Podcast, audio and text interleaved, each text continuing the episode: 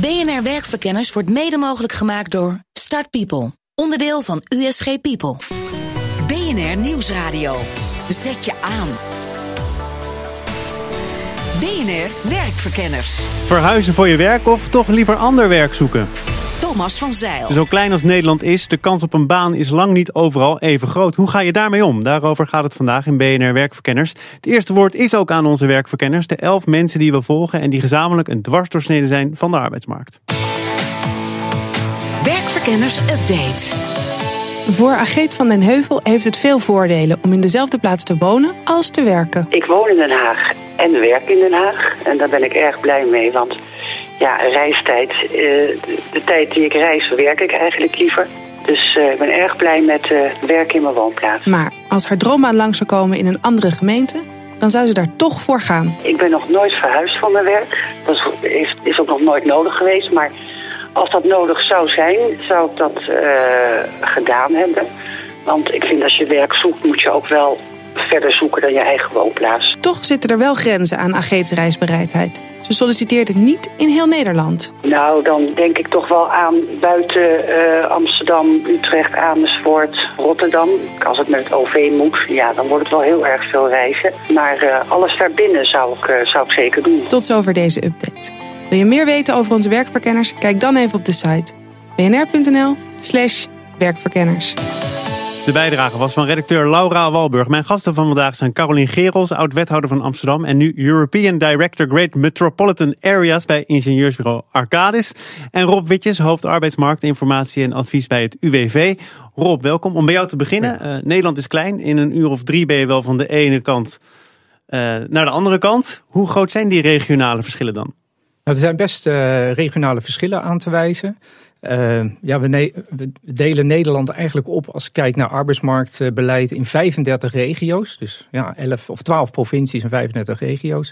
En het is afhankelijk van uh, welke sectorstructuur er is um, de bevolkingsontwikkeling en wat net al uh, aan de orde kwam in de reportage, de reisbereidheid. En zo zijn jullie gekomen tot die 35 regio's? Nou, uiteindelijk is dat inderdaad uh, gekeken van nou, welke, ja, zeg maar, welke type uh, activiteiten en hoe, hoe kan je dat zeg maar uh, ook bestuurlijk uh, het beste aanvliegen. En dan kom je tot 35 regio's. En hoe groot zijn die verschillen? Want dat was de oorspronkelijke vraag, meen ja. ik me te herinneren. Nou, de verschillen zijn uh, best uh, groot. Als je dan kijkt naar uh, bijvoorbeeld in, in Brabant is sprake in, in, in, bepaalde delen van hoogwaardige industrie. En dan zie je dat als, de, als dat minder goed met de economie gaat, dat dit soort delen als eerste ja, geraakt worden. In, in de omgeving van Utrecht bijvoorbeeld zie je veel zakelijke dienstverlening. En dan gaat de werkgelegenheidsontwikkeling uh, wat uh, geleidelijker. Dus er zijn wat dat betreft veel verschillen als je bijvoorbeeld kijkt ook naar wat voor soort activiteit, wat voor soort werkgelegenheid er in verschillende regio's ja, dominant zijn. Carolien Rob stipt die 35 regio's aan. Hoe passen gemeenten daar dan weer in? Ja, die passen daar precies in. Maar ik denk over het algemeen is het zo dat in Nederland uh, de bereidheid om te reizen aardig groot is. Maar in het buitenland is die nog veel groter. Als je bijvoorbeeld in Londen woont, is het helemaal niet gek om twee uur naar je werk heen en twee uur terug te reizen. Hoe komt het dan dat die bereidheid in Nederland ontbreekt of niet, niet voldoende is? Nou, ik denk dat wij het zo goed geregeld hebben dat er werk dichterbij is. Londen is echt een hele grote stad. Uh, en daaromheen is vrijwel niks waar echt werkgelegenheid is. En in Nederland heb je heel veel verschillende centra. Groningen, maar ook Maastricht. Uh, inderdaad in Brabant, vijf steden. Waar allemaal uh, behoorlijk veel werk is. Hangt natuurlijk ook een beetje af van het beroep, lijkt me zo. Zeker hangt het af van het beroep, maar in Nederland heb je relatief veel steden die behoorlijk zelfvoorzienend zijn en waar ook uh, behoorlijk veel werkgelegenheid is. Het hangt niet op één stad als Londen of Parijs of New York in de buurt. En hoeveel kan een stad zelf doen om ervoor te zorgen dat die werkgelegenheid ook op peil blijft? Heel belangrijk is dat je weet uh, waarom je aantrekkelijk bent en voor wie. He, sommige steden zijn heel aantrekkelijk voor studenten. Uh, Delft, Groningen, Nijmegen. Andere steden zijn weer heel erg aantrekkelijk voor start-ups. Eindhoven, Delft, Amsterdam. Ja.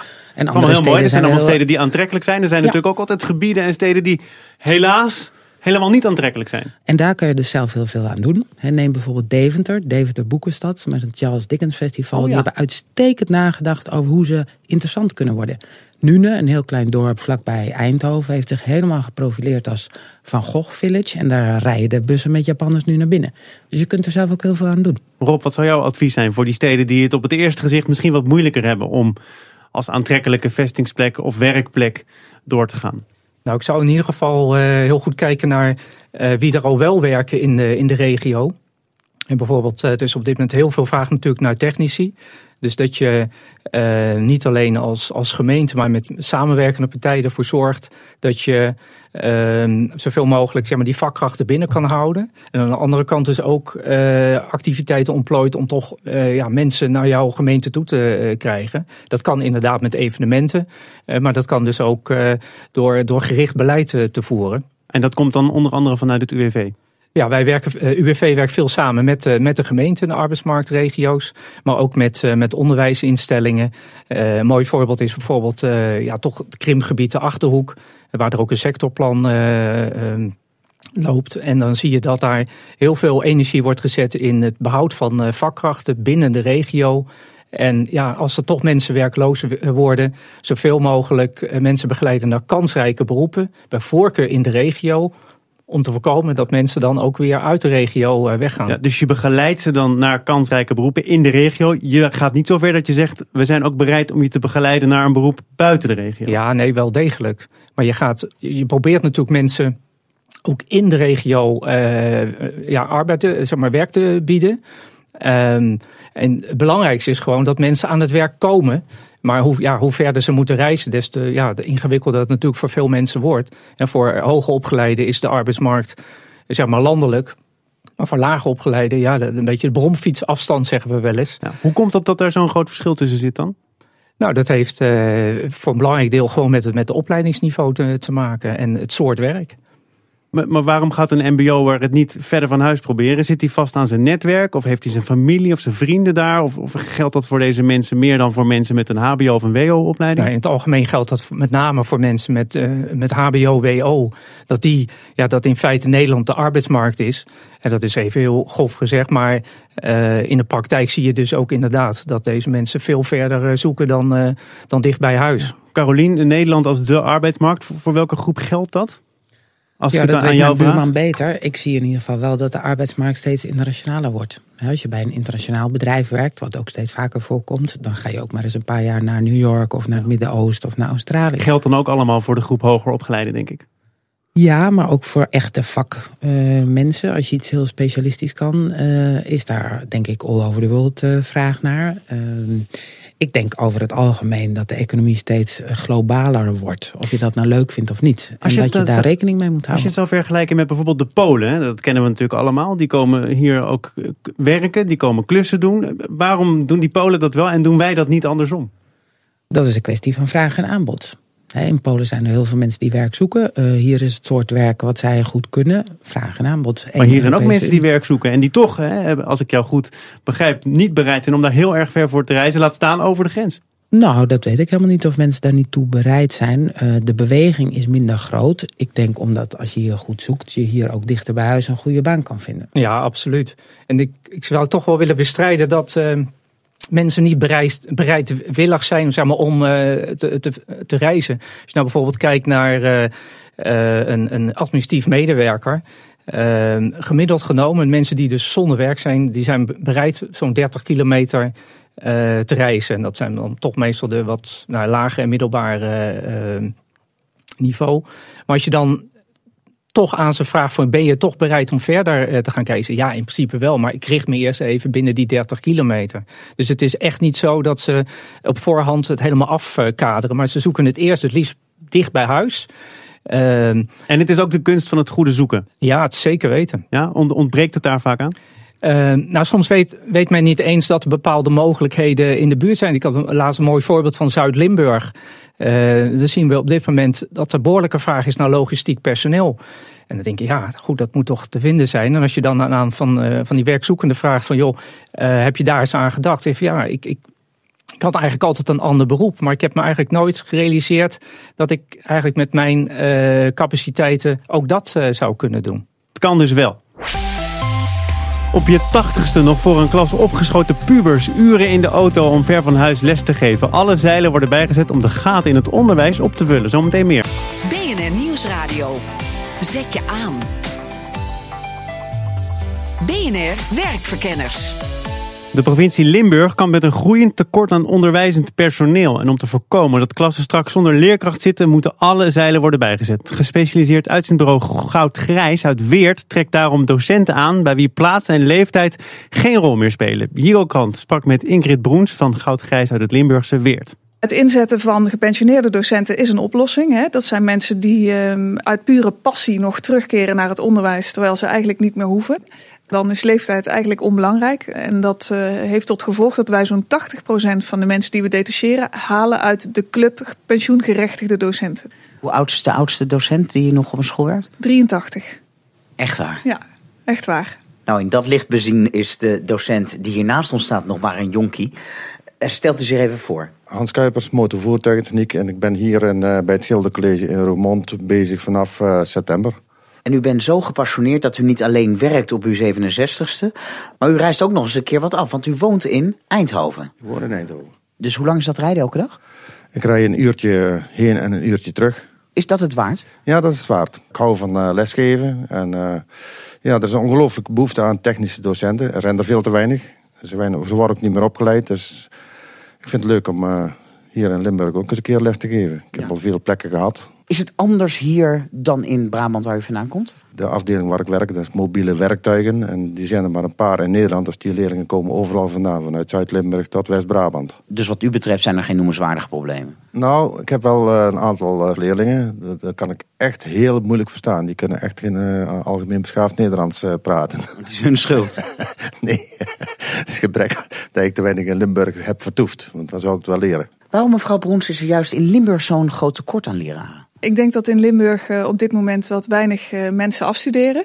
En dat uh, daardoor de vacatures die ontstaan door de uitstroom, weer een gevolg van de vergrijzing, niet kunnen ingevuld worden. Want die krimp is vooral hier in Limburg heel groot. Ja, Zeeland kent het natuurlijk ook. En dus plaatst u ook gepensioneerde leerkrachten, zoals de heer Kuipers, soms zelfs 83 jaar oud, die dus ook uit andere provincies mogen komen. Hoe ver gaat u in het zoeken naar docenten voor Limburg? Ik neem aan dat u ze niet in Den Helder of in Groningen opzoekt. Zouden ze zich melden, dan plaatsen we ze wel. Maar als wij kijken naar onze actieve eigen werving en search, dan zitten we uh, met name in Gelderland en uh, Noord-Brabant. Ga ik even terug naar uh, meneer Kuipers.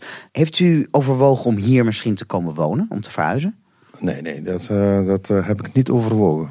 Er is heel veel aanbod. Dus misschien ben ik nou een jaar of twee jaar hier en dan ga ik weer naar een andere plek. Dus omdat ik, uh, wat ik zeg, op freelance basis werk is dat niet interessant. U bent nomade? Ik ben een nomade. Een moderne nomade zou je kunnen zeggen. Hè? Bent u bang, mevrouw Broens, dat er op een gegeven moment gewoon klassen zijn die geen leraar meer hebben? Ik ben daar op dit moment niet bang voor, omdat wij putten uit een heel groot netwerk en ook gepensioneerde docenten plaatsen op vervangingsopdrachten. Uh, maar ik kan me voorstellen dat het een zorg is voor een aantal onderwijsinstellingen. Ja, met name op eerste graads vlak is het lastig. Een reportage van Higo Krant. Bij mij het gast zijn Carolien Gerels, oud-wethouder van Amsterdam... en nu European Director Great Metropolitan Areas bij Arcadis. En Rob Witjes, hoofd arbeidsmarktinformatie en advies bij het UWV. Carolien, uh, jij was wethouder van Amsterdam. Hoe hebben jullie toen, of jij in het bijzonder, die stad gepositioneerd? Als stad waar je ongelooflijk goed kunt uh, ondernemen. We zijn een stad uh, met honderden eeuwen geschiedenis in het ondernemerschap. En het is ook allemaal waar, hè? Alles is ja. waar wat ik zeg, absoluut. Creativiteit is erg belangrijk. Uh, maar er zijn ook ongelooflijk veel internationale bedrijven. Ik geloof dat één op de vijf banen nu bij een internationaal bedrijf is. Dus stel dat je een creatief bent, hè? Amsterdam is een stad voor creatieve mensen. Zou je dan zeggen, kom naar ons? Of zou je zeggen, probeer het lekker ergens anders, want dan heb je minder concurrentie en dan ben je misschien wel verreweg de beste in je soort. Voor allebei is wat te zeggen. Kijk, dat is interessant aan Amsterdam. Wij hebben een hele creatieve biotoop, zoals dat heet, hè, waarin uh, veel kunst is, maar ook uh, creatieve beroepen van hele verschillende aard. Als je bijvoorbeeld naar Milaan gaat, is dat heel erg veel mode. En is dat dus heel erg uh, monomaan. Dat is Amsterdam niet en daardoor hebben we ook heel veel ja, innovatieve bedrijven, omdat juist het werken op die grensvlakken van verschillende sectoren zo spannend en uh, vernieuwend is. En Amsterdam, dan hebben we het nu nog over de stad, maar er kan heel veel meer onder vallen. Hè? Amsterdam Noord, Amsterdam Oost, Amsterdam Zuid. Wat voor gemeenten, welke steden vallen daar allemaal nog meer onder? Ja, ik glimlach breed, want Amsterdam ligt ook eigenlijk heel erg dicht bij Eindhoven en andersom. Hè. Is maar vijf kwartier rijden. Als je van Mumbai naar Mumbai Noord rijdt, is dat ook vijf kwartier. Mensen die in Londen werken zijn gewend om twee uur heen, twee uur terug te rijden. Dus wij kunnen ons in Nederland denk ik heel goed uh, positioneren en profileren met de sterke kanten van de verschillende steden. Bijvoorbeeld Rotterdam is een geweldige havenstad. De zijderoute wordt nu ook hersteld. De, trein uh, van Shanghai naar Rotterdam, moet je je voorstellen. Dwars door Kazachstan, de Oekraïne. Gaat allemaal gebeuren, want er kunnen heel veel verschillende bedrijven en landen geld aan verdienen. En zo kan Nederland zich uitstekend positioneren op die verschillende dingen. Je zei al, ik ben aan het glimlachen. Dat snap ik ook, want uh, Eindhoven is Amsterdam Noord of Zuid of uh, Zuid denk ik dan hè, in dit nou, geval. Maar hoe geloofwaardig is dat dan nog? Nou kijk, Eindhoven was in 2011 de slimste regio ter wereld. En toen heb ik gezegd, nou wat doe je dan als je Amsterdam bent? Ga je proberen dat ook te worden? Of zeg je, nee, eigenlijk zijn we een onderdeel van die regio. En ik geloof dat wij in Nederland heel goed elkaar sterke kanten kunnen benutten. En ons kunnen profileren in het buitenland. En zo heel veel bedrijven en dus banen hier naar Nederland halen. Die anders misschien naar Londen of naar Parijs of naar Berlijn zouden gaan. Rob Witjes, jij zei net, we hebben Nederland onderverdeeld in 35 arbeidsmarktregio's. Hoe past dat in deze trend om ja, bijvoorbeeld steden wat, wat groter te maken dan ze zijn en het geheel daaronder te vatten? Nou ja, als je kijkt naar de, de regio's, dan omvat dat natuurlijk meer dan één gemeente. Dus dat is al een. Kijk, je hebt 390 gemeenten. 35 arbeidsmarktregio's. En je ziet dat uh, gemeenten, UWV en uh, samenwerkende partijen steeds meer die regionale gedachten uh, ja, uitwerken. En dat betekent dus dat al lang is losgelaten dat je maar alleen maar regionaal of gemeentelijk beleid maakt. Toch zie je nu ook in Zeeland, in Limburg, in Groningen allemaal commissies, werkgroepen, sectorplannen. Past dat dan ook in die beweging? Ja, zeker. Ja, want er wordt veel meer uh, regionaal gedacht. Want de arbeidsmarkt houdt niet op bij de gemeentegrens. Dat geldt zowel voor de werkenden of de werkzoekenden als voor, voor bedrijven. En je ziet duidelijk dat met die vorming van die 35 arbeidsmarktregio's uh, daar stappen in worden gemaakt. Ja. Als je iets verder kijkt dan de arbeidsmarkt, moet je wel heel voorzichtig zijn met onze steden. Hè? Want uh, bijvoorbeeld winkelen uh, doen mensen steeds minder. Hè? Steeds meer gaat online. En je ziet dus dat winkelgebieden, winkelgebieden in Nederland kwetsbaar worden. En dan moet je dus wel heel erg goed gaan kijken, wat wil je met al die verschillende kernen? Wil je daar vitale kernen van maken of wil je dat ze dat blijven? Wil je daar echte ja, levendige binnensteden van maken? En dan moet je wel gaan kiezen met elkaar. Want je kunt niet 400 bruisende binnensteden hebben. Nog één laatste vraag dan. Want welke centrale taak ligt er voor de, voor de overheid, voor de landelijke overheid, om dat in harmonie te houden, Carolien? Dat is een heel ingewikkeld vraagstuk. Nou, we hebben er nog precies 10 seconden voor. Dat moet je regionaal beginnen. Eh, de regio Amsterdam is groter dan de gemeente alleen. Dat moet je met Amstelveen, met Diemen, met Duivendrecht, met Ouderkerk en de Amstel. Dus de schaal blijft regionaal? Absoluut. Dankjewel. Carolien Gerels, oud-wethouder van Amsterdam. Nu European Director Great Metropolitan Areas. Kijk, daar gaat alweer heel veel tijd verloren met alleen die afkondiging bij Arcadis. En Rob Witjes, hoofd arbeidsmarktinformatie en advies bij het UWV. Deze uitzending zit er bijna op. U krijgt van ons nog wel de wekelijkse arbeidstips. Vandaag wat... Nee, deze hebben we al gehad vorige week. Hoe zet ik Facebook en Twitter in voor mijn carrière? Werktips. Tip nummer 1. Zorg dat je Twitter en Facebook gebruikt om je eigen kennis over je eigen vakgebied zoveel mogelijk te delen. Organisatiepsycholoog Aukje Nauta. Want als je dat doet, dan is de kans groot dat het, als het nuttige kennis is, dat het ook geretweet wordt, dat mensen het delen op Facebook. En dat vergroot je netwerk.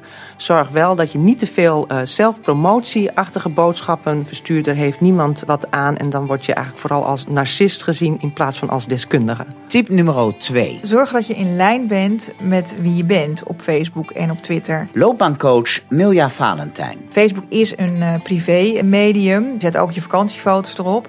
Maar ja, weet dat er meegekeken wordt. Dus ga niet knetterdronken uh, foto's plaatsen daarop.